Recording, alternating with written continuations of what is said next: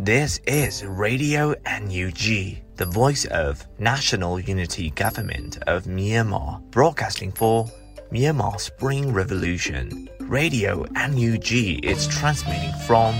shortwave 16 meter 17.79 megahertz at 8:30 a.m. and 25 meter 11.94 megahertz at 8:30 p.m. Myanmar Standard Time. မင်္ဂလာပါခင်ဗျာ အမျိုးသားညီညွတ်ရေးအစိုးရရဲ့အတန်လွင့်ဌာန Radio NUG ကိုမနက်ပိုင်း၈နာရီခွဲမှာလိုင်းတို16မီတာ7.3 MHz ညပိုင်း၈နာရီခွဲမှာလိုင်းတို25မီတာ17.6 MHz တို့မှာဓာတ်ရိုက်ဖမ်းယူနိုင်စနိုင်ပါပြီမင်္ဂလာအပေါင်းနဲ့ပြည့်စုံကြပါစေအခုချိန်ကစပြီး Radio NUG အစီအစဉ်တွေကိုဓာတ်ရိုက်အတန်လွှင့်ပေးနေပါပြီ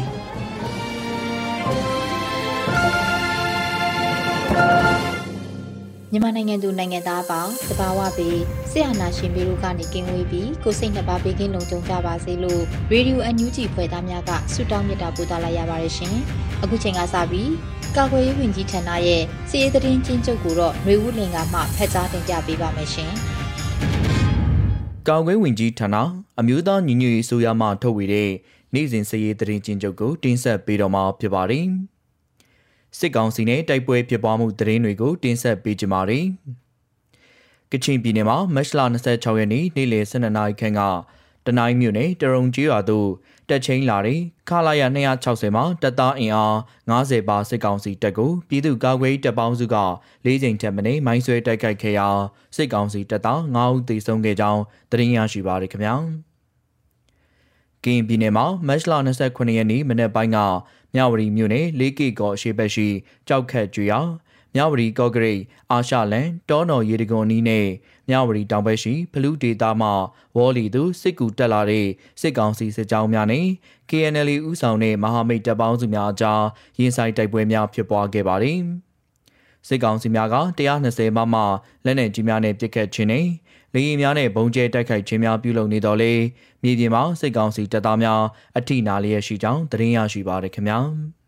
ချင်းပြည်နယ်မှာမတ်လ29ရက်နေ့က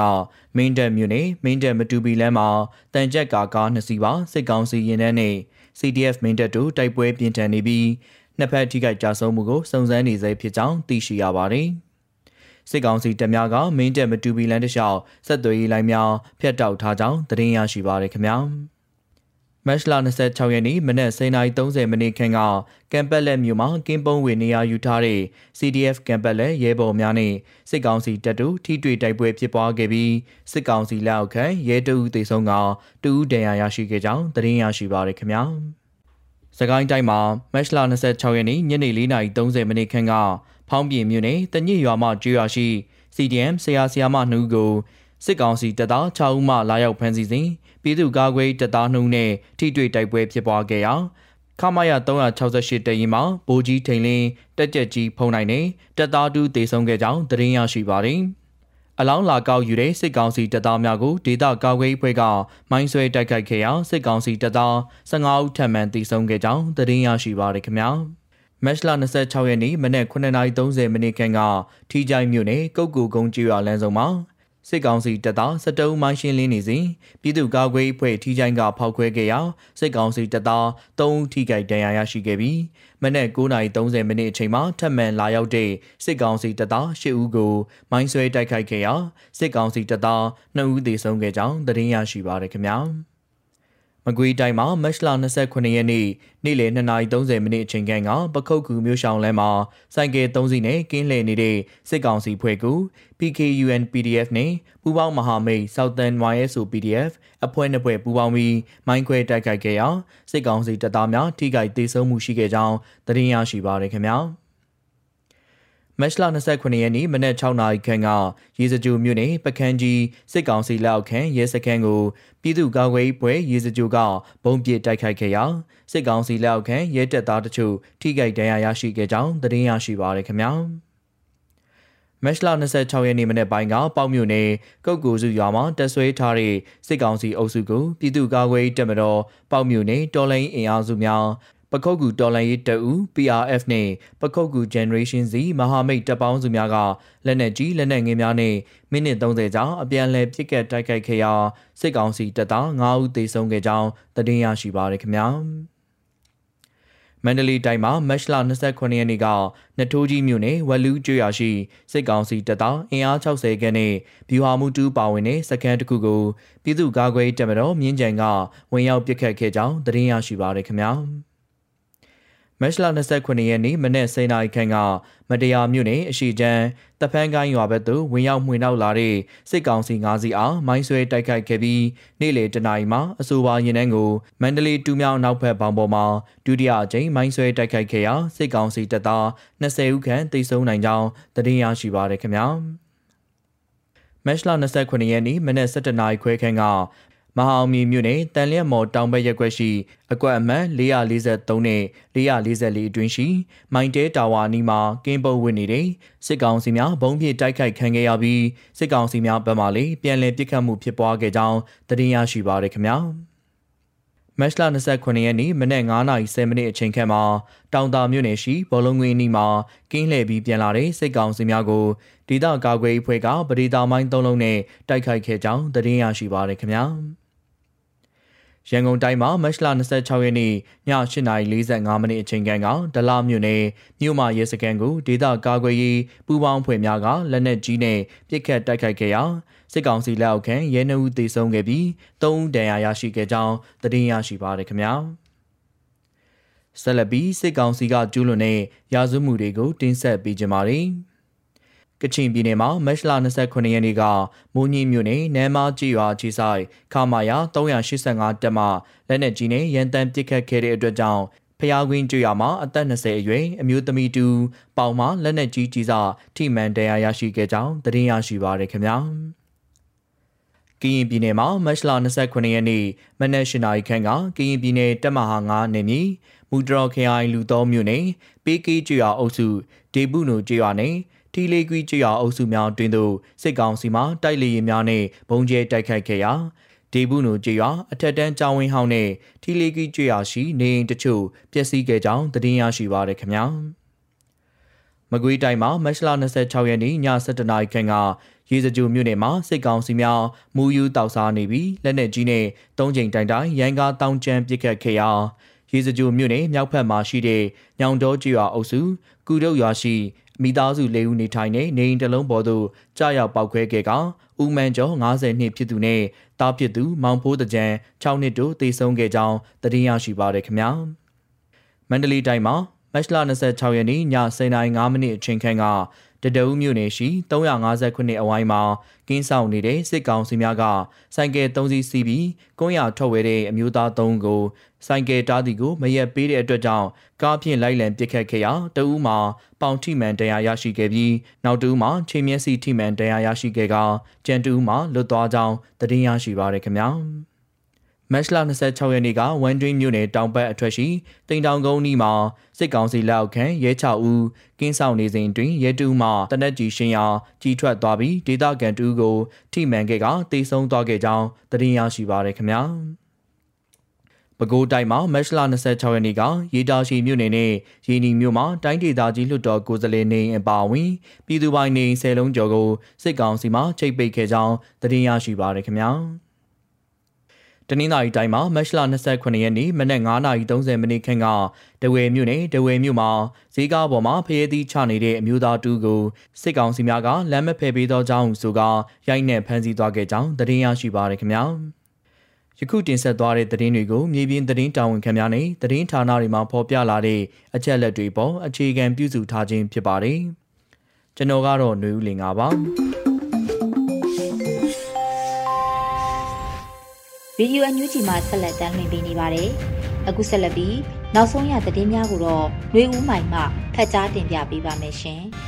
။မင်္ဂလာပါရှင်။အခုချိန်ကစပြီး Radio UNG ရဲ့မနက်ခင်းသတင်းကိုဖတ်ကြားပါတော့မယ်။ဤသတင်းများကို Radio UNG သတင်းတောင်ခမ်းများနဲ့ခိုင်လုံသောမိတ်ဖက်သတင်းမြင့်များစီမှအခြေခံတင်ပြထားခြင်းဖြစ်ပါတယ်ရှင်။ကျွန်မຫນွေဦးမိုင်ပါ။ ဖက်စစ်စစ်တပ်အမြင့်ဖြတ်နဲ့သွေးကြွေးမှာဆွေးနွေးစရာမရှိကြွေးကြော်တန်းတွေပြည်သူလူထုနှလုံးသားကနေຫນွေဦးတော်လှန်ရေးတွင်ပေါ်ပေါက်ခဲ့တယ်လို့ဆိုတဲ့သတင်းကိုဥစွာတင်ဆက်ပေးပါမယ်။ဖက်စစ်စစ်တပ်အမြင့်ဖြတ်နဲ့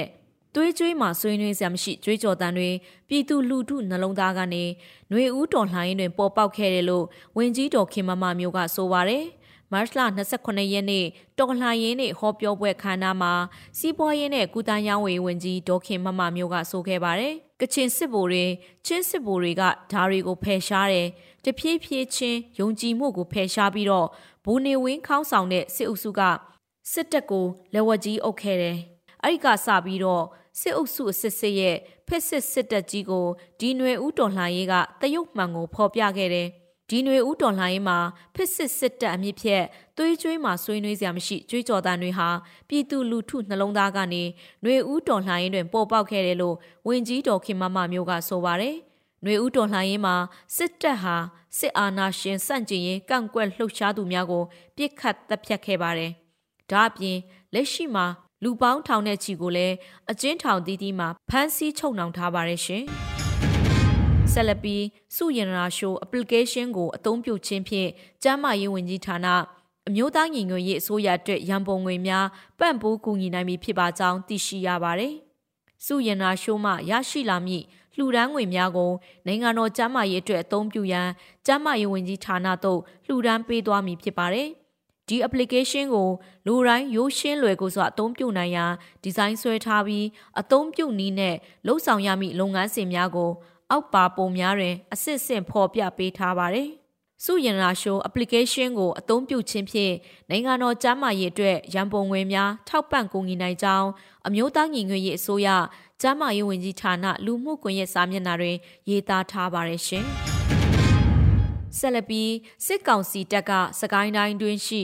နေအိမ်များကိုမိမရှို့ပဲအောက်ခြေတိုင်နဲ့အခန်းနိုင်ရန်တွေကိုဖျက်ဆီးတဲ့ဗျူဟာပြောင်းလဲတယ်လို့ရေဦးအမတ်ပြောကြားတဲ့သတင်းကို ဖတ်ကြားပေးပါမယ်။စစ်ကောင်စီတပ်ကစကိုင်းတိုင်းတွင်းရှိနေအိမ်များကိုမိမရှို့ပဲအောက်ခြေတိုင်နဲ့အခါနိုင်ရန်တွေကိုဖျက်ဆီးတဲ့ဗျူဟာပြောင်းလဲတယ်လို့သတင်းရရှိပါရယ်။မတ်လ29ရက်မှာစကိုင်းတိုင်းရေဦးမြို့နယ်အမတ်ဦးမြင့်ထွေးကဆိုပါရယ်။အခုဗျူဟာပြောင်းသွားပြီးပြည်သူအိမ်တွေကိုမီးမရှို့ပဲတိုင်းအခြေကိုဖျက်တောက်အခန်းတွေနိုင်ငံတွေကိုဖျက်ဆီးနေတယ်ရုပ်မာမှုကိုပုံစံတစ်မျိုးပြောင်းလုပ်တယ်ပေါ့ဗျာလို့ဆိုပါတယ်။မတ်လ9ရက်နေ့က ဝါပါကျေးရွာသို့စစ်ကောင်စီတပ်ဝါပါဒလန်များနဲ့ပေါင်းပြီးမိရှုဖြစ်စီခဲ့တဲ့အတွက်ဝါပါကျေးရွာနေအိမ်68လုံးနဲ့စပားများနွားများကျေးရွာပြည်သူလူထုရဲ့ပိုင်ဆိုင်သမျှမိလောင်ဆုံးရှုံးခဲ့ရပါတယ်။စကိုင်းတိုင်းထဲမှာစစ်ကောင်စီတပ်များဟာနေအိမ်များကိုမိရှုဖြစ်စီမှုအများဆုံးဖြစ်ပြီးတော့ကျေးရွာထဲမှာဒေသခံတွေဟာဆက်လက်နေထိုင်ခြင်းမရှိဘဲထွက်ပြေးတင်းရှောင်နေရတယ်လို့သိရှိရပါတယ်ရှင်။ ဆက်လက်ပြီးတောင်ကိုရီးယားနိုင်ငံမှာလည်းဖက်ဆက်တော်လှန်ရေးနဲ့အထိမ့်မှတ်စစ်အာဏာရှင်ဆန့်ကျင်ရေးဆန္ဒပြပွဲပြုလုပ်တဲ့သတင်းကိုတင်ဆက်ပေးပါမယ်။တောင်ကိုရီးယားနိုင်ငံဆိုးလ်မြို့မှာလည်းမတ်လ29ရက်နေ့မှာကြာရောက်တဲ့ဖက်စစ်ဒေါ်လာရင်းနဲ့အထိမ့်မှတ်စစ်အာဏာရှင်ဆန့်ကျင်ရေးဆန္ဒပြလှုပ်ရှားမှုကိုပြုလုပ်ခဲ့ကြပါတယ်။ဆန္ဒပြပွဲကိုမြန်မာຫນွေဦးတော်လှန်ရေးထောက်ခံသူများကိုရီးယားအဖွဲ့နဲ့မြန်မာចောင်းသားများအသင်းကိုရီးယားတို့ကဦးဆောင်ပြီးဆိုးလ်မြို့က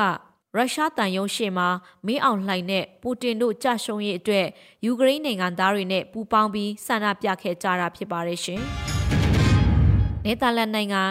အက်စတာဒါမြို့မှာမြန်မာနဲ့ယူကရိန်းပူးပေါင်းဆန္ဒပြတဲ့တဲ့ရင်ကိုဆက်လက်တင်ပြပေးပါမယ်။နယ်သာလန်နိုင်ငံအက်စတာဒမ်နိုင်ငံဒမ်စကွဲရင်ပြင်မှာမတ်လ26ရက်နေ့ကမြန်မာနိုင်ငံသားတွေနဲ့ယူကရိန်းနိုင်ငံသားတွေပူးပေါင်းဆန္ဒပြခဲ့ကြပါတယ်။ ယူကရိန်းမှာခံစားနေရတဲ့စစ်ပွဲကိုမြန်မာနိုင်ငံသားတွေအနေနဲ့ထပ်တူခံစားနေရပြီးစစ်အာဏာရှင်တွေရဲ့မတရားသဖြင့်ဖိနှိပ်ခံတွေခံနေရတာလဲအတူတူပဲမို့ပူပေါင်းဆန္ဒပြကြတာလို့နေသလန်ရောက်မြန်မာနိုင်ငံသားတအုပ်ကဆိုပါတယ်မြန်မာနိုင်ငံရဲ့စစ်အာဏာသိမ်းမှုကိုကန့်ကွက်ခဲ့ကြသလိုယူကရိန်းကိုကျူးကျော်တိုက်ခိုက်တဲ့ရုရှားသမ္မတပူတင်ကိုလည်းကန့်ကွက်ရှုတ်ချကြောင်းကြွေးကြော်ခဲ့ကြတယ်လို့သိရှိရပါတယ်ရှင်။ ဆက်လက်ပြီးအယရော Falcon Force AF2 လက်နက်နှစ်လက်တပ်ဆင်မှုရရှိတဲ့သတင်းကိုတင်ဆက်ပေးပါမယ်။အယရော Falcon Force AF2 လက်နက်နှစ်လက်တပ်ဆင်မှုရရှိကြောင်းသတင်းရရှိပါရယ်မတ်လ29ရက်တွင်လက်နက်နှစ်လက်ရရှိဟု Ayero Falcon Force AF2 ကဆိုပါရယ်ကျွန်တော်တို့ Ayero Falcon Force AF2 ကို MDJW မှလက်နက်တစ်လက် PTCT တငယ်ချင်းတစုမှလက်နက်တစ်လက်စုစုပေါင်းလက်နက်နှစ်လက်တက်ဆင်ပေးတဲ့အတွက် အထူးပင်ကျေးဇူးတင်ကြောင်းဂုဏ်ပြုအပ်ပါတယ်လို့ဆိုပါရယ်ပြည်သူများအနေဖြင့်လည်းလက်နက်များတက်ဆင်ပေးလိုပါကတလက်လင်9သိန်းကျပ်နှုန်းဖြင့်တက်ဆင်ပေးနိုင်ကြောင်းသိရပါတယ်။ထို့ပြင်အလှရှင်ကိုဂုံပြုသောအဖြစ်လက်နက်ပေါ်တွင်စလုံးထွင်းဂုံပြုပေးသွားမယ်လို့အယရော Falcon Force ကဆိုပါတယ်ရှင်။လေးကဲကိုဆက်ရှောင်းများကိုထိုင်းနိုင်ငံဖက်ချမ်းကလက်မခံ၍တောင်ရင်းမြစ်လဲကျွန်းတွင်နေထိုင်နေရတဲ့တရင်ကိုတင်ဆက်ပေးပါမယ်။ KNU တပ်မဟာ6နေမြေတွင်စစ်ကောင်စီတပ်များအင်အားဖြည့်စစ်ကြောင်းထိုးလာသည့်အခြေအနေနဲ့တိုက်ပွဲများကြောင့်မြစ်ကိုဖြတ်ကာထိုင်းနိုင်ငံဖက်ချမ်းသို့ကူးပြေးသည့်လေးကဲကိုစစ်ပေးရှောင်များကို ထိုင်းနယ်ဆက်လုံခြုံအာဏာပိုင်များက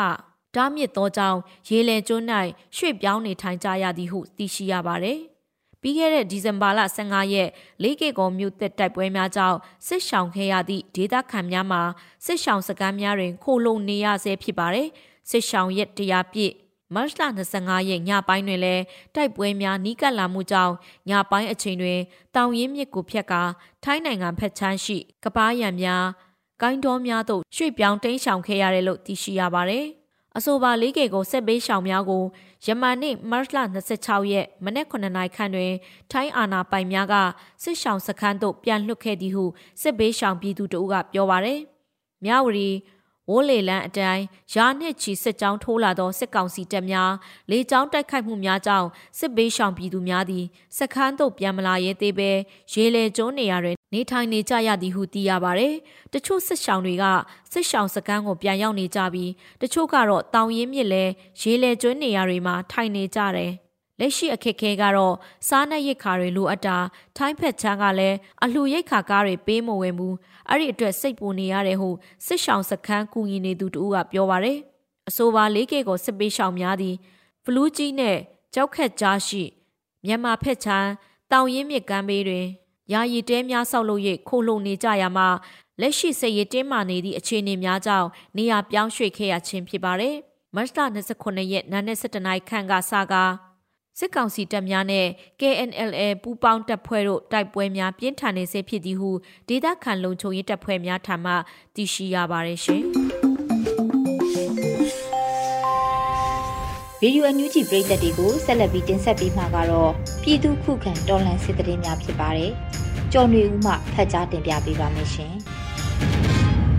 ရင်ပြည်နယ်ဝေါ်လီဘက်ကိုစစ်ကြောင်းထိုးလာတဲ့စစ်တပ်မိုင်းဆွဲခံရပြီးစစ်သားအနည်းဆုံး20ဝန်းကျင်တေဆုံးတဲ့တဲ့ရင်ကိုပထမဦးစွာတင်ဆက်ပါမယ်။ကရင်ပြည်နယ်မြဝတီမြို့နယ်လေးကေကောဒေသဖလူးကြီးရွာဘက်မှဝေါ်လီဘက်သို့စစ်ကြောင်းထိုးလာတဲ့အကြမ်းဖက်စစ်ကောင်စီတပ်ဖွဲ့ယနေ့မတ်လ29ရက်နေ့နက်မှာမိုင်းဆွဲတိုက်ခိုက်ခံခဲ့ရပြီးစစ်သား20ဝန်းကျင်တေဆုံးနိုင်ကြောင်းရှေ့တန်းသတင်းရင်းမြစ်ထံမှသိရှိရပါတယ်။စစ်တီအင်အား400ခန့်ဖြင့်စစ်ကြောင်းထိုးလာတဲ့အကြမ်းဖက်စစ်ကောင်စီရဲ့ တပ်မ44တပ်ဖွဲ့ကိုကရင်အမျိုးသားလွတ်မြောက်ရေးတပ်မတော် KNLA DKBA နဲ့ PDF ပူးပေါင်းတပ်ဖွဲ့များကမိုင်းဆွဲတိုက်ခိုက်ခဲ့ပြီးတိုက်ပွဲပြင်းထန်ခဲ့ကြောင်းစစ်ကောင်စီကရဟတ်ရင်နှစ်စီးဖြင့်လာရောက်ပစ်ခတ်ကြောင်းသိရှိရတာပါမိုင်းဆွဲခံရပြီးတဲ့နောက်နှစ်ဖက်အပြန်အလှန်တိုက်ပွဲပြင်းထန်ခဲ့ကြောင်းရဟတ်ရင်နှစ်စီးဖြင့်လာရောက်ပစ်ခတ်ခဲ့ကြောင်း KNLA ပူးပေါင်းအဖွဲ့ဘက်မှထိခိုက်မှုမရှိကြောင်းသိရှိရပါတယ်ဆက်လက်ပြီး ဖောင်းပြင်မှာ CDM ဆရာဆရာမ2ဦးကိုလာဖမ်းတဲ့စစ်တပ်ဖက်မှ6ဦးကို PDF 2ဦးကတိုက်ခိုက်ရာစစ်တပ်ဖက်မှဗိုလ်ကြီးထိန်လင်းတက်ကြက်ကြီးဖုံးနိုင်တဲ့ရဲဘော်တဦးတေဆုံးတဲ့တဲ့ရင်ကိုတင်ဆက်မှာပါ။စကိုင်းတိုင်းဖောင်းပြင်မြို့နယ်မှာ CDM ဆရာဆရာမ2ဦးကိုလာဖမ်းတဲ့စစ်ကောင်စီတပ်ဖွဲ့ဝင်6ဦးကို PDF 2ဦးကပြစ်ခတ်တိုက်ခိုက်ရာဗိုလ်ကြီးထိန်လင်းတက်ကြက်ကြီးဖုံးနိုင်တဲ့ရဲဘော်တဦးတေဆုံးသွားကြောင်းဖောင်းပြင် PDF ကသတင်းထုတ်ပြန်ပါတယ်။ မတ်လ26ရက်နေ့ညနေ4:30မိနစ်အချိန်ဖောင်းပြင်မြို့အခြေဆိုင်ခမာရ368တပ်ရင်းမှဗိုလ်ကြီးထိန်လင်းဗိုလ်ချမ်းမြေအောင်တက်ကြက်ကြီးဖုံးနိုင်တဲ့ရဲဘော်3ဦးစုစုပေါင်းအင်အား6ဦးဟာတညစ်ကြီးရွာအုပ်စုရှိ CDM ဆရာနဲ့ဆရာမမိသားစုတို့နေထိုင်တဲ့ဗျူဟာလမ်းဘေးနေအိမ်မှာ PDF များရောက်နေတဲ့ဆိုတဲ့သတင်းအရ AD ဗန်ကားဖြင့်ရောက်ရှိလာကြောင်း စီဒီအန်ဆရာဆရာမတို့နေအိမ်မှာလမ်းမကြီးဘေးကက်လျက်ရှိတာကြောင့်၎င်းကားဝင်လာတာကိုမြင်ရကြောင်းရင်းနောက်ကားထဲမှာအလစ်အငိုက်ထွက်ခါပြစ်ခတ်တိုက်ခိုက်ကြကြောင်းသိရှိရပါတယ်။နေအိမ်ထဲမှာ CDM ဆရာဆရာမဇနီးမောင်နှံ2ဦးနဲ့ PDF 2ဦးရှိနေပြီး PDF 2ဦးက G3 တနက်တဦးက79လက်နက်ကိုကင်ထားကြကြောင်းဆရာနှင့်ဆရာမ2ဦးကနေအနောက်တကားပေါက်မှခုံချလွတ်မြောက်သွားပြီးနောက်စစ်တီ6ဦးနဲ့ PDF 2ဦးအပြန်အလှန်ပစ်ခတ်ကြကြောင်း စစ်ကောင်စီတပ်ဖွဲ့ဝင်များကလက်နက်ငယ်များအပြင်လက်နက်ကြီး 60mm ဖြင့်ပါပစ်ခတ်ကြောင်းအနီးကပ်ပစ်ခတ်မှုဖြစ်တာကြောင့်လက်နက်ကြီးမှမထိရောက်ကြောင်း PDF 2ဦးပစ်ခတ်တဲ့ G3G နဲ့79ဘုံသီးတို့ကြောင့်ဗိုလ်ကြီးထိန်လင်းတက်ကြက်ကြီးဖုံးနိုင်တဲ့တပ်သားတအုပ်တို့မှတေဆုံးသွားကြကြောင်းသိရှိရပါတယ်။စစ်တပ်ဘက်မှဗိုလ်ချမ်းမြောင်မှမူခြေထောက်နှစ်ဖက်စလုံးဖြတ်တောက်လိုက်ရပြီးဗိုလ်ကြီးထိန်လင်းနဲ့အခြားရဲဘော်ကြီးအလောင်းကိုကောက်သွားနိုင်ကြောင်း တက်ကြက်ကြီးဖုံးနိုင်ရဲ့အလောင်းကိုမကောက်ယူနိုင်ပဲကြီးစံရဗရဘွားရထားတဲ့ AD van ကားဖြင့်ထွက်ပြေးသွားကြကြောင်းခမာယ368ဟာအမှတ်30စစ်စင်ရေးကုကဲမှုဌာနချုပ်လက်အောက်ရှိခြေမြန်တက်ရင်ဖြစ်ကြောင်းသိရှိရပါတယ်။နောက်ဆုံးအနေနဲ့အမျိုးသားညီညွတ်ရေးအစိုးရပြည်ထရေးနဲ့လူဝင်မှုကြီးကြပ်ရေးဝန်ကြီးဌာနက2022ခုမတ်လ29ရက်ရက်စွဲနဲ့ထုတ်ပြန်ခဲ့တဲ့ပြည်သူ့ခုခံတော်လှန်စစ်တရင်အချက်လက်တွေကိုတင်ဆက်ပေးသွားပါမယ်။အာနာသိန်းအကြမ်းဖက်စစ်အုပ်စုရဲ့ ပြည်သူလူထုအပေါ်အကြမ်းဖက်ဖိနှိပ်ဖန်ဆီးတိုက်ခိုက်တပ်ဖြတ်နေမှုများကိုပြည်သူလူထုတရက်လုံးကအသက်ရှင်တန်ရေးအတွက်မိမိကိုယ်ကိုမိမိခုခံကာကွယ်ပိုင်ခွင့်အရာပြည်သူခုခံစစ် People's Defensive War ကိုဆင်နွှဲလျက်ရှိပါတယ်။တရင်အချက်လက်များအရ26ရက်3လ2022ရက်နေ့မှာစစ်ကောင်စီတပ်ဖွဲ့ဝင်69ဦးသေဆုံးပြီးထိခိုက်ဒဏ်ရာရရှိသူ10ဦးအထိခုခံတိုက်ခိုက်နိုင်ခဲ့ပါတယ်။စစ်အာဏာရှင်စနစ်မြမအမျိုးပေါ်မှာအပြည့်တိုင်ချုပ်ငင်းရေးနဲ့ Federal Democracy တည်ဆောက်ရေးအတွက်ငြင်းချမ်းစွာဆန္ဒပြတဲ့လူထုတပိတ်တိုက်ပွဲများကပြည်내နဲ့တိုင်းဒေသကြီးများမှာဆက်လက်ဖြစ်ပွားပေါ်ပေါက်လျက်ရှိပါတယ်။မြေပြင်မှာတော့ယခုတွေ့ရတဲ့သတင်းအချက်အလက်များထက်ပို၍ဖြစ်ပွားနိုင်ပါတယ်ခင်ဗျာ။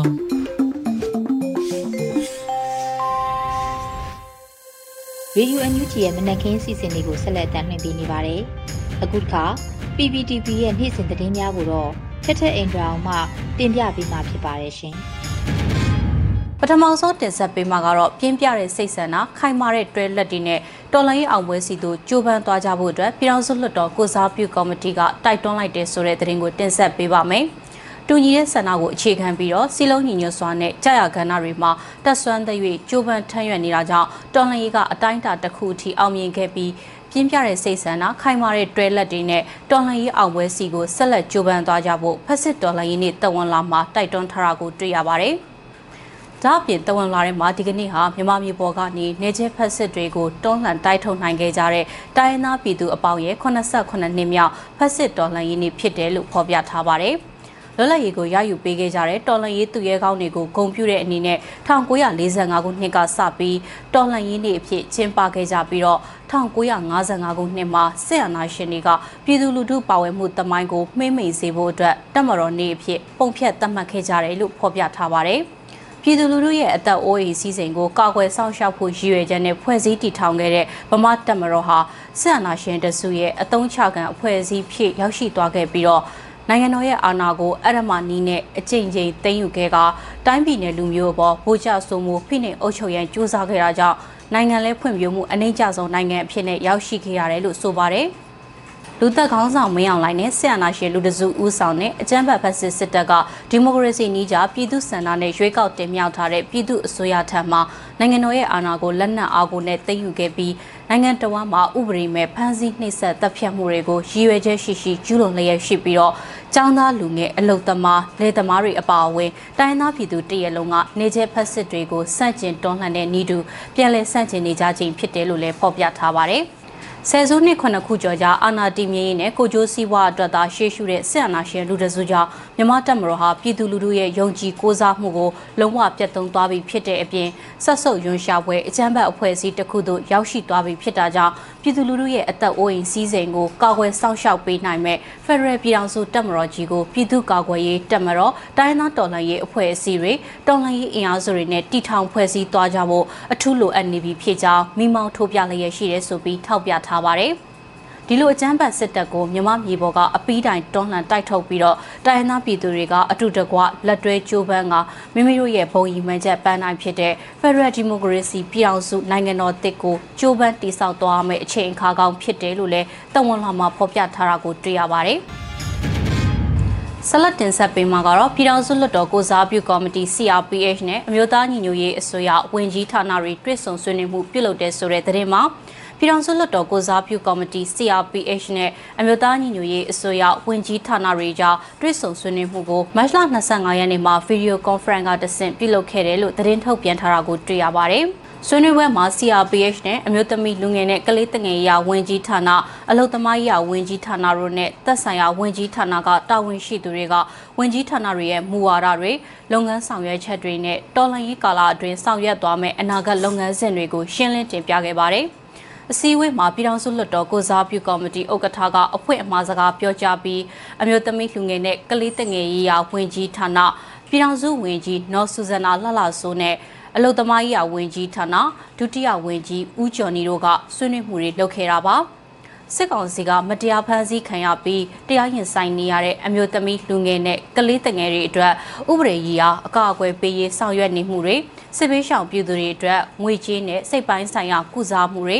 ကုညီပံ့ပိုးနေတာတွေစီရီယာဝန်ထမ်းတွေအတွက်တာဖွာအသုံးဆောင်တဲ့ငွေဖွာစရိတ်ပံ့ပိုးကူညီပေးနေတာတွေ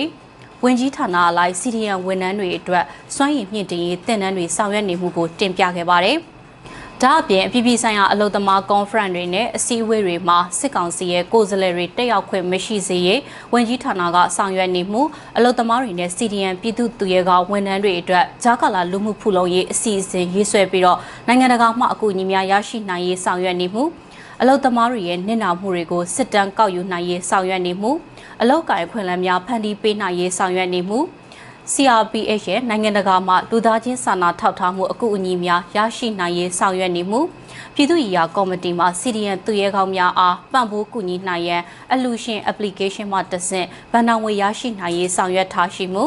နိုင်ငံတကာဆက်ဆံရေးကော်မတီမှနိုင်ငံတကာအဖွဲ့အစည်းတွေလွှတ်တော်ကိုယ်စားလှယ်တွေနဲ့ချိတ်ဆက်ဆောင်ရွက်နေမှုတွေကိုဆွေးနွေးခဲ့ကြတယ်လို့ထုတ်ပြန်ချက်မှာဖော်ပြထားပါတယ်။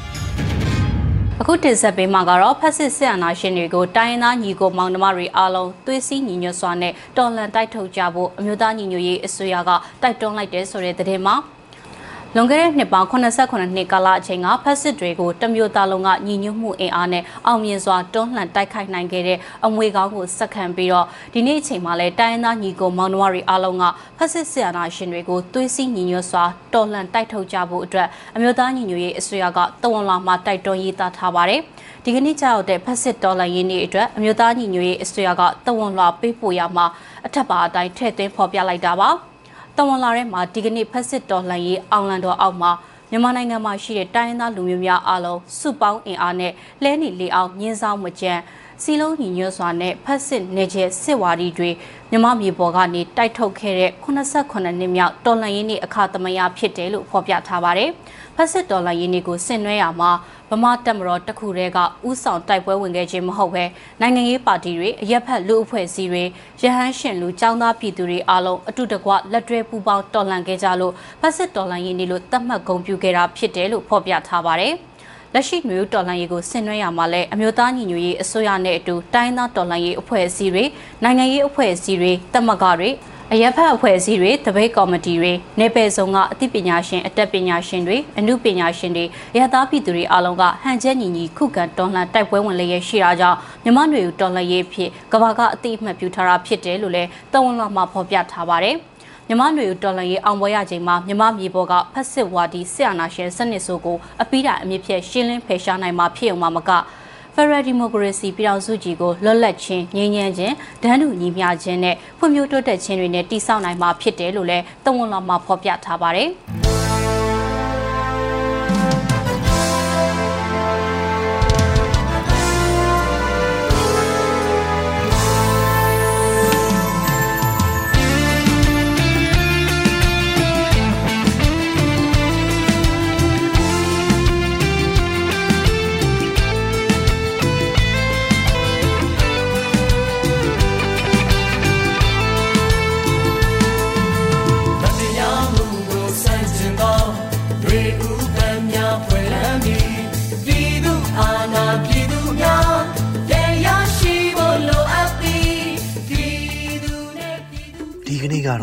ဒီညနေပဲ Radio NUG ရဲ့အစည်းအဝေးကိုခਿੱတရရနိုင်လိုက်ပါမယ်။မြန်မာစံတော်ချိန်မနက်၈နာရီခွဲနဲ့ည၈နာရီခွဲအချိန်တွေမှာပြန်လည်ဆုံးဖြတ်ကြပါစို့ Radio NUG ကိုမနက်ပိုင်း၈နာရီခွဲမှာလိုင်းဒို16မီတာ7.3 MHz ညပိုင်း၈နာရီခွဲမှာလိုင်းဒို25မီတာ17.6 MHz တို့မှာဓာတ်ရိုက်ဖမ်းယူနားဆင်နိုင်ပါပြီမြန်မာနိုင်ငံသူနိုင်ငံသားများကိုယ်စိတ်နှပြကျန်းမာချမ်းသာလို့ဘေးကင်းလုံခြုံကြပါစေလို့ Radio NUG အဖွဲ့သူအဖွဲ့သားများကဆုတောင်းလိုက်ရပါတယ်။အမျိုးသားညီညွတ်ရေးအစိုးရရဲ့စက်သွေးရေးတရင်အချက်အလက်နဲ့ဤပညာဝန်ကြီးဌာနကထုတ်လွှင့်နေတဲ့ Radio NUG ဖြစ်ပါတယ်။ San Francisco Bay Area အခြေစိုက်မြန်မာမိသားစုများနဲ့နိုင်ငံတကာကစေတနာရှင်များလှုပ်အားပေးများရဲ့ Radio NUG ဖြစ်ပါတယ်